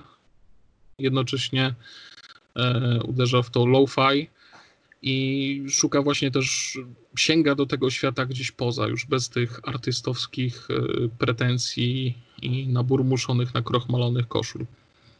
No, tak. Wydaje mi się, że- Zresztą przecież nawet O. wiesz, o przepraszam, jeszcze Nie, mów. Jeszcze skończę, że nawet y, no, w Polsce mamy przecież Ashes, czy mamy Over the Voids, tak? Które też gdzieś tam, może nie do symfo akurat black metalu sięgają, ale są to cały czas projekty zapatrzone w bardzo konkretny etap historii muzyki. I na tej fali wydaje mi się ten revival działa, będzie działać. Znaczy, to tak, z całą pewnością, ale to już będzie coś zupełnie innego niż temat dzisiejszej dyskusji, bo to, to jest jakby powrót do tego pierwotnego ducha black metalu, który mógł mieć klawisze, ale nie musiał mieć. Ale y, jeżeli chodzi o ten nurt taki symfoniczny, to y, są w zasadzie tak w, w obrębie black metalu to ja widzę właśnie dwa, które tak na, na, mówiąc y, zestarzały się. I to jest właśnie nurt symfoniczny to jest ten taki dziwny industrialny black metal przełomu stuleci, który mm, bardzo, bardzo źle zniósł próbę czasu, jak wszystko, co było wtedy takie futurystyczne i wydawało się, że jest mega, mega nowoczesne i że to jest właśnie przyszłość takiego grania, się okazało, że no, pożyło to może ze 3 lata i dzisiaj wygląda to jeszcze śmieszniej niż te klawiszowe projekty. Cały ten, ten revival, o którym, o, który, o cię zapytałem, to jest nie wiem jak ty to widzisz, ale to, moim zdaniem to jest taka próba y, życia troszeczkę cudzymi emocjami. Jakby, no ten Wargraf on może być fajny, no ale nie, zupełnie inne cele przyświecały y, klawiszowym projektom wtedy, bo one chciały brzmieć jak najbardziej bogato, ale nie potrafiły, a Wargraf chce brzmieć jak najbardziej jak one. Mimo, że może brzmieć dużo lepiej. Więc jakby te, te cele są zupełnie inne To Tak. prawda. Tak ja to, to, to, to do, do, czego, do czegoś zupełnie innego dążymy. I no i nie, nie jestem pewien, czy da się to polecić, chociaż można oczywiście tego słuchać, tak, no bo to nie jest zły projekt i na takim poziomie czysto, czysto użytkowym to tego się fajnie słucha, tak. Ale zastanawiam się e, wtedy, czy, czy nie lepiej było posłuchać czegoś starego z perspektywy kogoś, kto ma dzisiaj, nie wiem, 20 lat i w sumie czemu akurat po Wagraf ma sięgać, skoro na tym samym Spotify'u wi- wiszą dużo, dużo lepsze płyty. E, No ale to jakby, a, a słuchajcie właśnie, ten, ten e, industrialny black metal, te wszystkie cyklony, Myrkskogi i tak dalej, to zahaczyło to w jakikolwiek sposób o was? Te Tornsy, tak, i tak dalej. Te Tornsy Wiesz- tak, ale No, no, właśnie, bo to Tors się broni jakoś, nie? Po tych latach. bardzo, jeszcze jak. Nie, ale... akurat, no dobra, to Michałowi oddaję głos. Czy u mnie sprawa wygląda y, prosto, bo kiedy jeszcze to, to brzmiało powiedzmy tak futurystycznie, tak, że to jest przyszłość, to się nie potrafiłem w to wkręcić, bo mnie to, to brzmienie odrzucało ze względu na swoją nieprzystępność. Musiałem się jeszcze osłuchać e, z, wtedy też z black metalem, a jak już z kolei e, byłem, miałem przygotowa- byłem już do tego przygotowany, to e, już czułem trochę, że to no, trochę trąci myszką. Mhm. Okej. Okay. Czy ja, ja przyznaję, że był, był taki moment, kiedy strasznie mnie to wciągnęło. Jak to było świeże, jak się pojawiły te wszystkie Dotheimsgardy, to, to miałem naprawdę dużą fazę na to. To było świeże wtedy i to niekoniecznie może się wydawało, że to jest jakaś super przyszłość muzyki, ale to na pewno była jakaś taka nowa iskra, coś zupełnie innego i wtedy chyba przeżyłem takie, taką pierwszą zgrzewkę, która podpowiadała mi, że ten, ten, ten, ten black metal to już jest taki trochę przeżyty. Mm. A tutaj mam takie fajne nowe rzeczy. Y, dzisiaj y, widzę, jak, jak, jakie bardzo naiwne to było, że to było takie. Mm, tam były fajne płyty, ale Lotheimsgard może nie był najfajniejszą z nich. Tons był świetny. Fajnie ta estetyka zabrzmiała na, na Rebel Extravaganza, ale na tych wszystkich cyklonach to już może nie do końca. Y, a te wszystkie Covenanty to, to są rzeczy, które się kompletnie nie da słuchać. Przynajmniej ja nie mogę. To, to, to, to jest taki, to jest przykład yy, kapeli, która pociągnęła tę estetykę do takiego ekstremum, że wtedy mi się to chyba podobało nawet. Nawet nie chyba. Ale jak do tego wracam dzisiaj, to się trochę łapię za głowę. To jest jedna z tych mm. rzeczy, które, które naprawdę mi się mocno przewartościowały, a zasadniczo takich rzeczy nie mam. Ja jeszcze pamiętam swoje emocje, one wracają, ale tutaj słuchając tego Covenanta, to ja, to ja rzeczywiście myślę sobie, ojej, to, to, że jak, to, jak mi się to w ogóle mogło podobać? Bo tutaj jestem w ogóle gdzieś zupełnie indziej dzisiaj.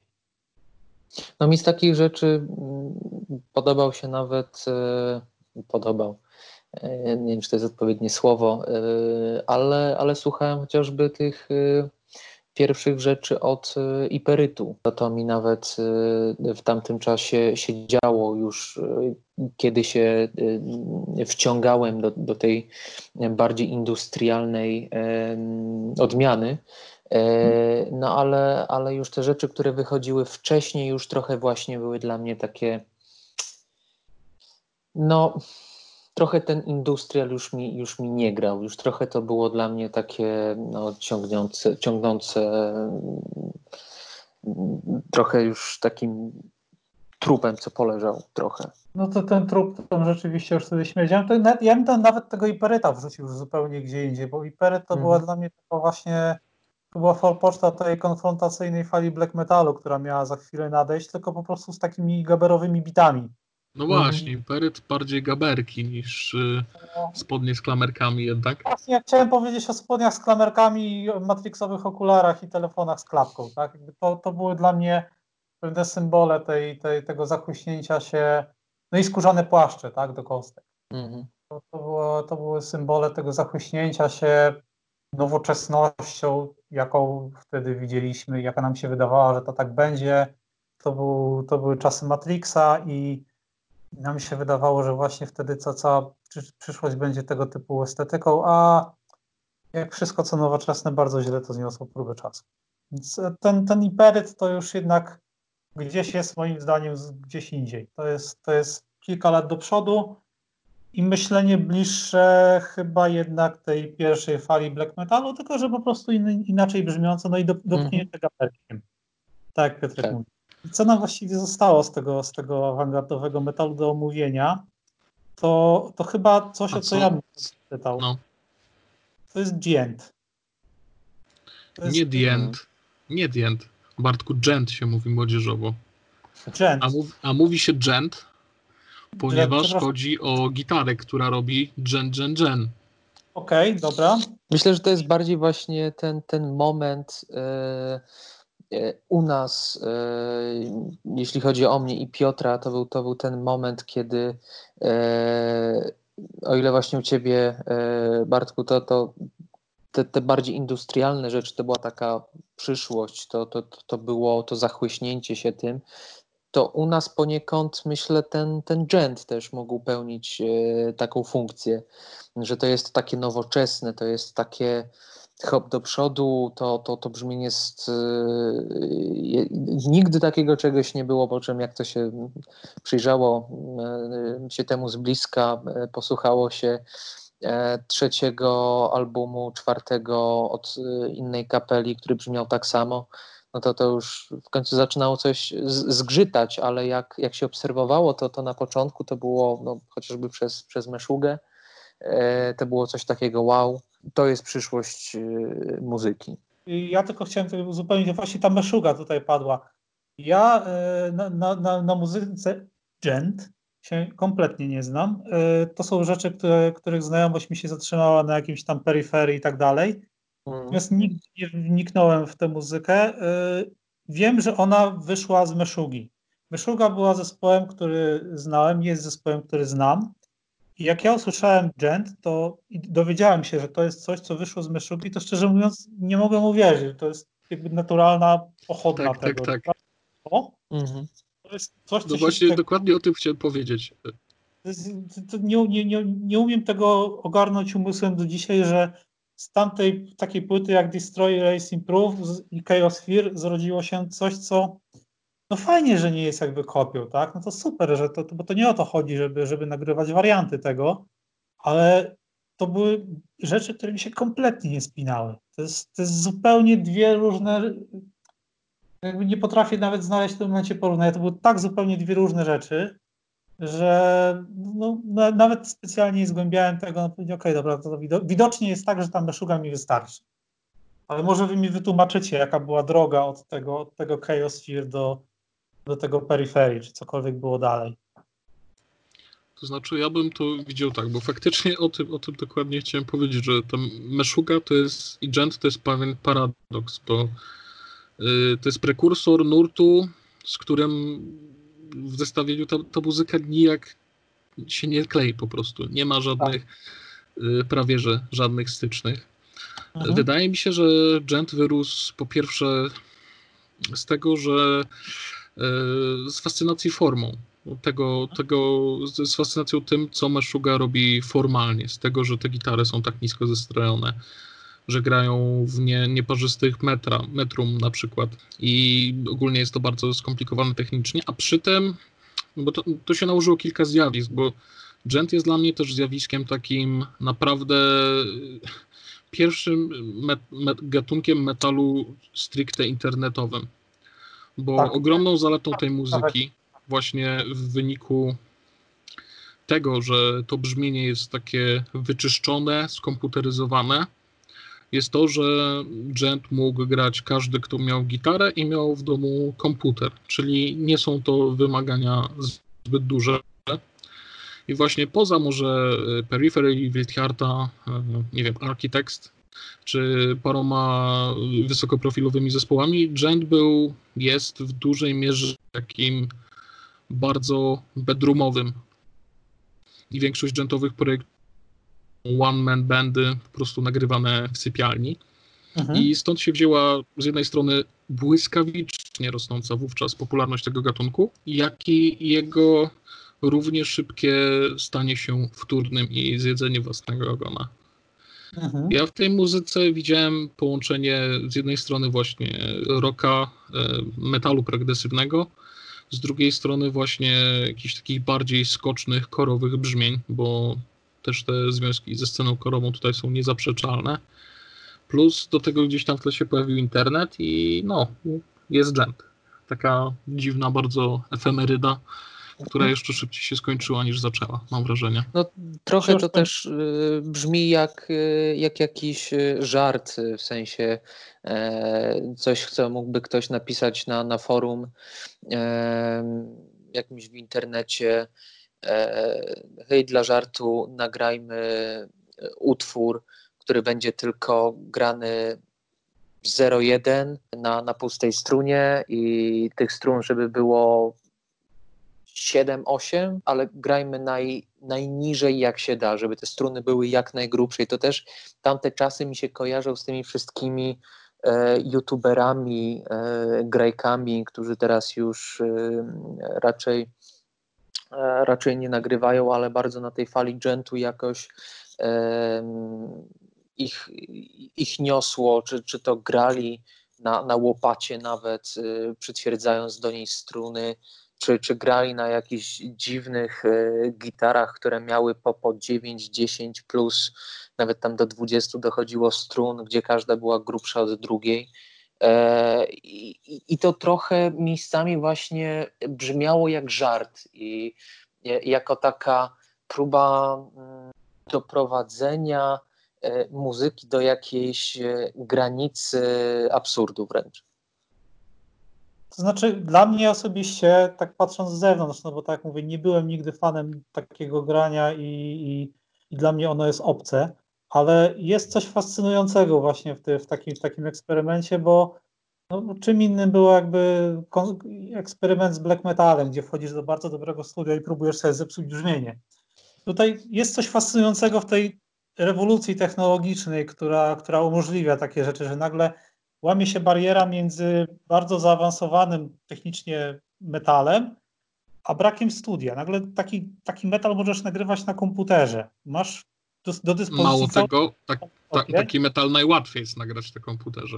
Tak, dokładnie. Nagle, wiesz, wychodzi ci efekt taki, który, który możesz osiągnąć nie wychodząc w ogóle z małego pokoju, tak? Sobie możesz siedzieć u siebie w sypialni, odpalić laptopa, podłączyć gdzieś tam do, do, do efektu gitarę i zrobić sobie praktycznie całą płytę, która będzie y, legitna gatunkowo. I ona będzie uznawana za coś zaawansowanego technicznie i ona będzie dobra, nagle coś, co wymagało przez lata potwornych budżetów i rzeźbienia na instrumentach i świetnego składu, nagle jest dla ciebie dostępne. Oczywiście to się nie musi przekładać na jakąś fajną muzykę, tak? bo tutaj jakby abstrahuję od tego, ja nie będę się na ten temat wypowiadał, bo nie mam żadnej wiedzy, czy to były dobre rzeczy, czy to nie były dobre rzeczy.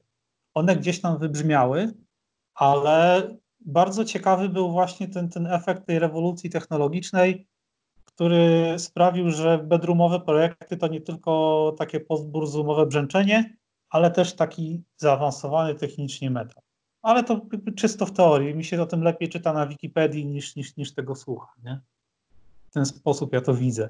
W teorii i tak czysto formalnie to, to jest cały czas ciekawe. Tak bym to widział. Czy zostało nam jeszcze coś do omówienia, drodzy koledzy?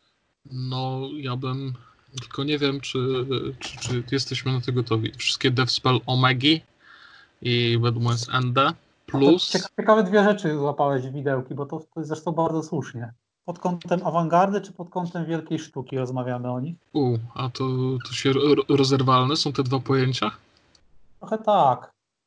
Chociaż może w tym momencie nie, bo no, trzeba, y, tak, to, to były bardzo duże wydarzenia, one przy, przytwierdzone do dwóch zupełnie różnych dziesięcioleci, ale jednak z zupełnie innym impaktem, ale yy, duże, ważne i chyba w black metalu to było taki ostatni, du, ostatni duży przewrót, to była ta Deathspell Omega, prawda? Jak, jak znam życie, to bardziej was to wciągało w black metal niż mnie.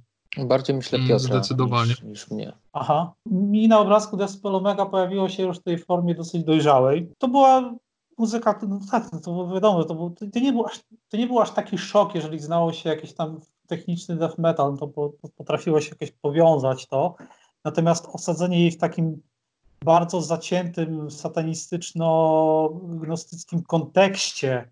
Nagle tutaj to wszystko jest takie bardzo na serio znowu, to nie jest jakaś umowna konwencja, to nie jest śpiewanie o szatanie w, w, w ramach tego, że no, to jest black metal, w związku z czym powinniśmy to robić, tylko że to było jakby wyniesienie tego na nowy poziom. Natomiast no, Death Spell Omega było dla mnie pewną kontynuacją tego, co było wcześniej, potem się zapadło, a potem przyszło znowu ale domyślam się, że dla kogoś, kto ma dzisiaj 20 parę lat, to, to mógł być jakiś kopernikański przewrót, prawda? No zdecydowanie i A? dla mnie to był właśnie kopernikański A? przewrót. Natomiast też, też nie odbierałem tego na zasadzie jakiegoś przełomu w black metalu, w którym nie byłem super osłuchany, tylko siła samej tej muzyki samej w sobie po prostu zmiotła mnie z powierzchni ziemi.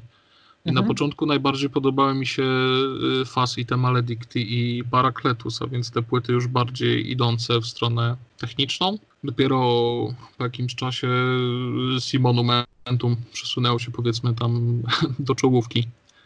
I faktycznie no, Deathspell Omega jest dla mnie zespołem, jednym chyba z najważniejszych zespołów życia, jeśli mogę tak powiedzieć, w takim wieku. Mhm. To, o czym mówisz, właśnie połączenie takiego fanatyzmu, ale też jeśli popatrzy się na historię tego zespołu, na to jak ona jest spójna i z jakim wyprzedzeniem oni musieli pewne rzeczy intelektualnie zaplanować, ilość wysiłku intelektualnego po prostu i artystycznego włożona w to, żeby to wszystko miało jakieś ręce i nogi, no to jest po prostu szaleństwo.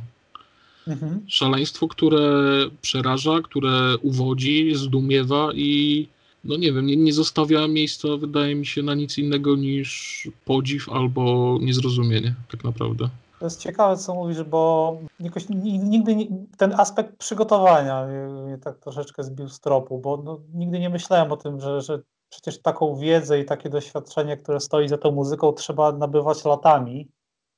Nie wiem, czy słowo planowanie jest tutaj dobre, no ale tak, no rzeczywiście to jest, to jest coś, do czego, to jest przedsięwzięcie, które nie zrobi się w rok. I nie zrobi się nawet w 3 lata i nie zrobi się w 5, bo nawet te wczesne płyty Deathspell Omega zupełnie nie zapowiadały tego, co się działo później, mimo że to były świetne płyty, ale w zupełnie innym kierunku idące.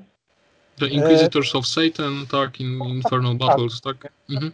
Ja bym to skontrował trochę, bo czy, mimo że domyślam się odpowiedzi, czy Deathspell Omega to ze swoją wizją nie zabrało czegoś black metalowi, tej pierwotnej dziczy i tego, tego buntu i tego, czy nie stało się to zbyt intelektualne na przykład? Czy nie zabrakło elementu plucia na krzyż, który jest dostępny dla każdego prostego chłopa z gitarą podłączoną do wzmacniacza?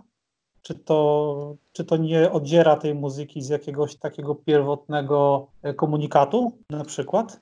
A, rozdzieliłbym to odpowiedź na dwie części, bo z jednej strony wydaje mi się, że z nimi jest troszkę tak jak z Furią i że po prostu oni coraz bardziej są w tym swoim podejściu black metalowi i sami tej muzyce nie zabierają, natomiast owszem, zespawnowali w pewnym sensie rzeszę naśladowców, która po nich y, rżnie, ale niekoniecznie wiedząc, co rżnie. Natomiast jeśli chodzi o ojejku, o za, zabieranie metalowi tego prymitywizmu, hmm, dla mnie nie. Dlatego, że z jednej strony to, co oni robią, wymaga oczywiście przygotowań intelektualnych, oczytania, erudycji, planowania pracy, nawet tak na, na takim zwyczajnym etapie, że tworzenia dzieła, że to po prostu wymaga logistyki, planowania, rozpisywania sobie pewnie pewnych rzeczy, tak Mhm. żeby Simonumentum nagrywane 15 lat temu było spójne intelektualnie i treściowo z tym, co wypuszczałem w 2019. Natomiast jest w tym taka żarliwość, taki rodzaj właśnie sza metodycznego szaleństwa i fanatyzmu, że to nie wiem, dla mnie to cały czas jest esencja tej muzyki. Czy Teraz to jest rozma- odpowiedź, której się spodziewałeś?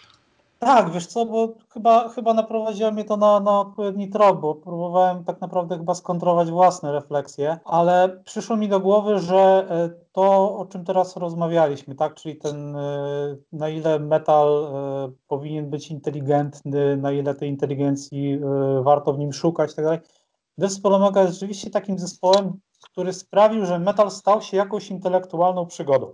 To- jest zespół, który jest e, gatunkowo osadzony, on jest legitny gatunkowo, on, jest, y, on nie budzi wątpliwości, jeżeli chodzi o przynależność. On zna swoje korzenie, trudno ich jakby nie dostrzegać, natomiast jest w tym wszystkim jakiś element tej właśnie intelektualnego wyzwania. Nagle te teksty są jakimś wyzwaniem rzuconym słuchaczowi. Nagle metal czegoś od ciebie wymaga, ale nie na, na poziomie takiej wrażliwości, że musisz się przyzwyczaić do brzmienia, do blastów i, i, do, i do pewnej estetyki, żeby się w to jakoś wgryźć, ale jeszcze jednocześnie wymaga od ciebie pewnego intelektualnego backgroundu, poszukania, jeżeli chcesz rzeczywiście wniknąć w tę muzykę, no bo możesz sobie po prostu słuchać, ale tutaj musisz sobie jeszcze zrobić jakieś przygotowanie do tego. I nie wiem, czy było coś takiego wcześniej w metalu. Yy, Na pewno nie w tym kierunku i nie na taką skalę, jak, jak robi to Deathspell Omega, że rzeczywiście nagrywa kolejną płytę, która yy, może wymagać od ciebie szukania po źródłach, jeżeli chcesz ją zrozumieć, e, a nie tylko sobie posłuchać. Tak bym to widział, więc chyba doszliśmy do tego, że jest jakiś, jakiś punkt, gdzie ten metal i ten, te, te intelektualność się zetknęły. O tak. Podobne no, aspekty filozoficzne są powiedzmy w muzyce mgły, ale na przykład teksty mgły nie wymagają od ciebie wertowania grymuarów i nie, nie, nie, nie, musisz, nie musisz czytać apokryfów, nie musisz czytać jakichś strasznie uczonych ksiąg, żeby je zrozumieć, tak? ponieważ to są dosyć czytelne teksty. Nie musisz mieć filozoficznego, e, filozoficznego fundamentu, żeby, żeby je zrozumieć. E, Death Omega jest jednak troszeczkę czymś chyba wymagającym bardziej. I tutaj, tutaj ja bym dostrzegał właśnie ten, ten element tej przygody, którą intelektualnej, którą, którą ten zespół zaproponował słuchaczom, czego chyba, tak jak mówiłem wcześniej, nie było do tej pory. Wspomniałeś mgłę, mi jeszcze przychodzi do głowy Blaze of Perdition, przynajmniej na dwóch ostatnich płytach. Mhm. Gdzieś tam stojące może trochę pośrodku w tym sensie, że no już troszkę trzeba wiedzieć i przeczytać, żeby rozumieć te teksty, ale dalej nie są to łamigłówki wielopiętrowe i pięciowymiarowe szachy stworzone przez jakiś opętany umysł. Tak, tak. No, ale cieszę się, że doszliśmy do jakiejś konkluzji. Czy nam coś jeszcze zostało do omówienia? Omówiliśmy wszystko, mam wrażenie, wzdłuż i wszerz. Zastanawiam się nad, y, czy, czy, czy takim podsumowaniem dobrym nie byłoby przyznanie się do takich pewnych naszych słabości w obrębie tego inteligentnego metalu, cokolwiek miałoby to być. Ale tak jeżeli byśmy założyli, że ten inteligentny metal to jest muzyka, która jest troszeczkę bardziej rozbudowana formalnie, ma jakieś tam aspiracje, czy to byłyby słuszne kierunki, czy nie, to gdzie wy byście wskazali jakieś takie swoje fascynacje?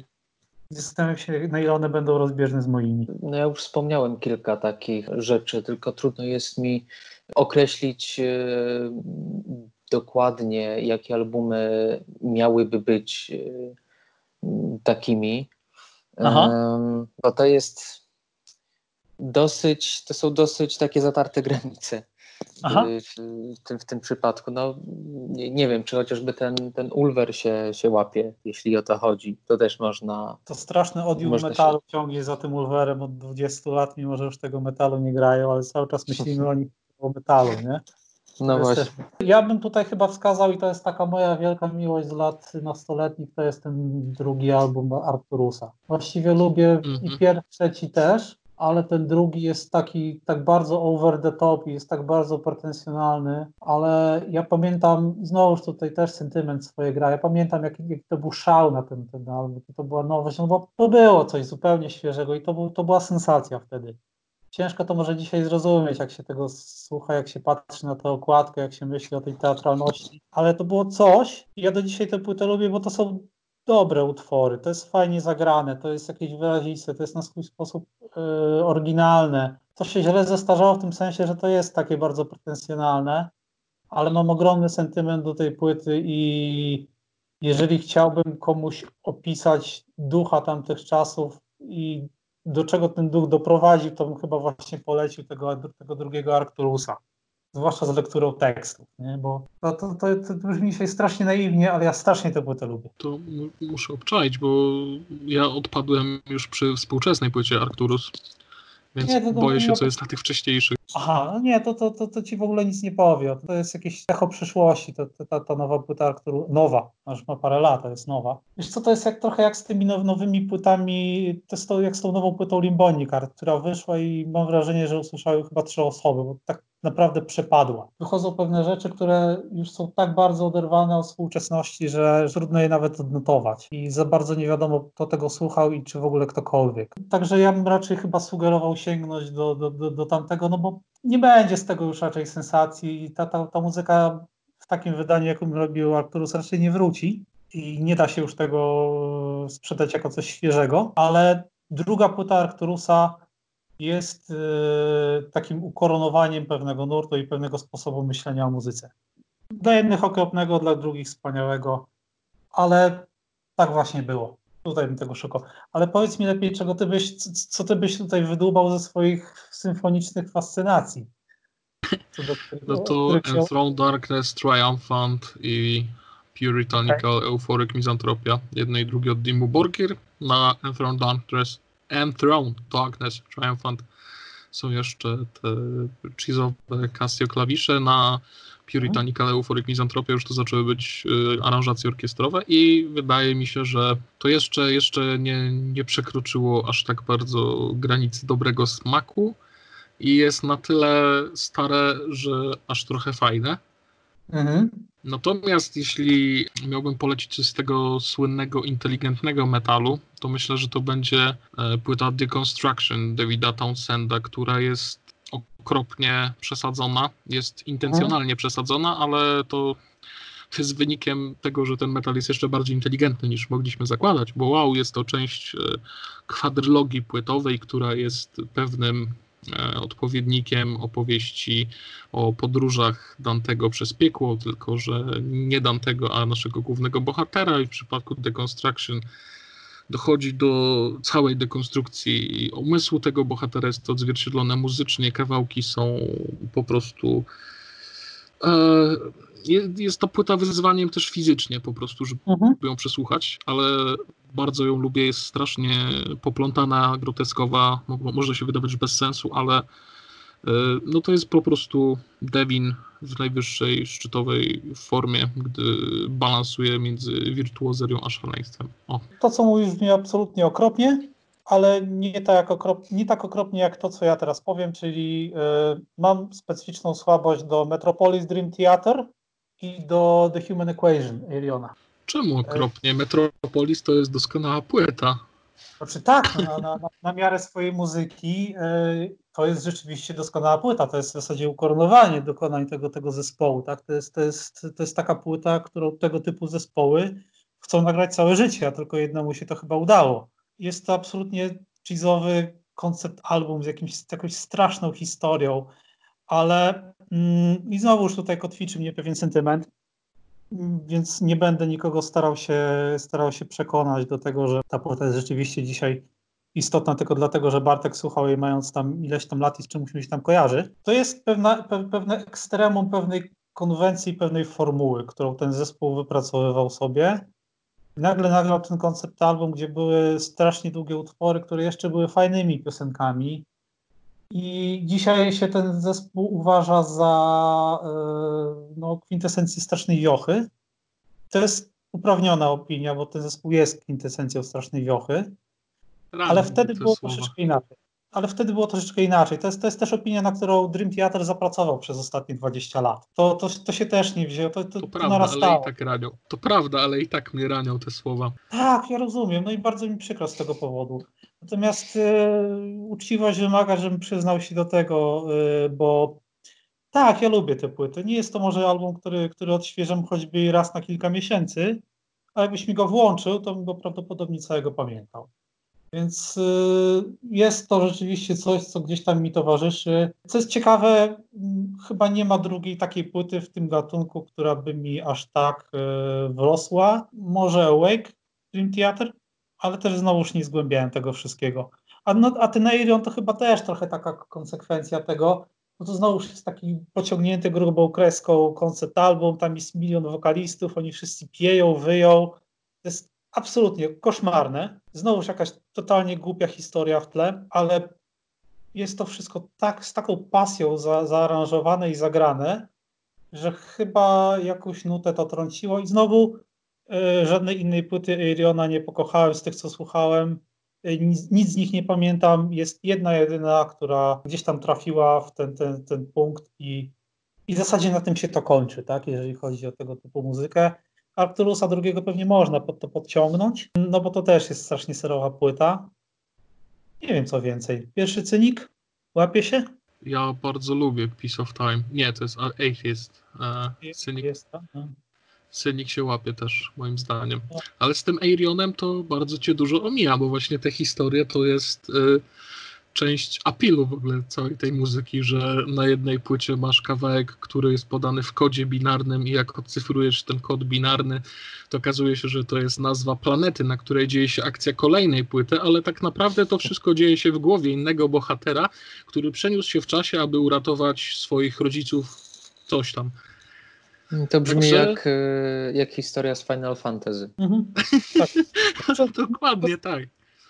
To przede wszystkim brzmi jak coś, czego absolutnie nie chcę nigdy zgłębiać. Tak? To, to chcę być jak najdalej od tego wszystkiego i nie chcę o tym wiedzieć. I boli mnie sama wiedza, którą się ze mną podzieliłeś, ale doceniam to, że coś takiego ktoś robi. Alien jest dla mnie projektem jednej płyty, której też nie słucham zbyt wiele, ale jeżeli ma być tutaj wyraziście, no to tak przyznaję się do tego, że ją lubię. Tak jak lubię Metropolis Dream Theater. No nie wspominaliśmy jeszcze o, o OPET zbyt szeroko, a, a ja na przykład wciąż y, może nie słucham tak, tak często jak, jak kiedyś, bo miałem y, kiedyś właśnie mocno tak, y, taką zajawkę na, na OPET, ale wciąż, wciąż lubię i Blackwater Park i Deliverance. Nawet dawno nie słuchałem, ale mam, mam sympatię nawet do Pale Communion. Nawet. Ja, ja w ogóle nie potrafię zestawić OPET z tymi zespołami typu właśnie Dream Theater, które mają, do, do, mhm. do, gdzie, gdzie przyznajesz się do słuchania ich i to ma jakiś tam element wstydu takiego. Dla mnie słuchanie OPET jeszcze tego elementu wstydu nie ma. Ja wiem, gdzie ten zespół jest dzisiaj i z czym jest kojarzony, ale dla mnie y, to jest zespół, który nigdy, mimo wszystko, nie zszedł poniżej pewnego poziomu tandety. Mhm. Y, I on y, znowu jest gdzieś na innej orbicie niż właśnie na przykład taki, taki Dream Theater, ponieważ Ackerfeld czerpał albo z, z death metalu, albo ze starego rocka. I to, co oni obecnie robią, czyli to całe retro, to też ma inny cel niż, niż taki progresywny metal w rozumieniu ojejku, Neoklasycznych smrodów. Tak, tak, tak. To jest zupełnie inna wrażliwość. To jest wrażliwość wywiedziona z tych lat 70., y, bardziej retro, taka piosenkowa, taka próba bycia całym zespołem w zapalonych dzwonach. Natomiast ja zapamiętałem ich znowu taki, z takiego etapu jeszcze, kiedy z death metalu wychodzili Still Life było w swoim czasie bardzo popularną płytą i ja ją bardzo lubiłem i lubię ją do dzisiaj. Lubię Deliverance, lubię Damnation. Chyba na Ghost Reveries sobie powiedzieliśmy do widzenia. Potem jeszcze tam się widywaliśmy, ale to już nie było to. Ale to nie jest taki zespół, którego y, słuchanie kojarzy mi się z jakimś strasznym cringe'em. Ja widzę w tym taką fajną, spójną koncepcję, jakąś oryginalność. To są ciekawe rzeczy, tak? I to jest przede wszystkim dobry songwriter, dobry wokalista, tam wiadomo, że przyszły takie narracje, których już dzisiaj chyba wcześniej mówiłem, że, że jest ten rozdział na, na, na fajnego old schoola i to, co wszystko przyszło później. A to są głupoty tak naprawdę. Opet jest fajny. Opet jest fajny. To jest dobry zespół. Myślę, że to jest dobra konkluzja do zakończenia. To też powinno tak się znaleźć e, w tytule. Opet to jest mhm. dobry zespół. Jest fajny. Jest fajny. Jest fajny, tak. Czas przywrócić godność pewnym rzeczom. Make up it great again. Czas, czas przywrócić godność ty, ty, tym, tym wyklinanym zespołom. Taka jest moja teza. No dobra, to wydaje mi się, że dobrnęliśmy faktycznie do końca. Tak. Dziękujemy. Naszym gościem, przypominamy, był Bartosz Cieślak, Noise Magazine. My Bardzo słyszymy się już niedługo i cześć. Bardzo Wam dziękuję. Do usłyszenia. Cześć. Cześć. Looking for truly stunning jewelry this holiday season? Boone & Sons Jewelers is fully stocked with unique gifts they'll love in Chevy Chase, DC, and McLean, and virtual shopping experiences by appointment. Trusted by Washingtonians for over 70 years. BooneandSons.com.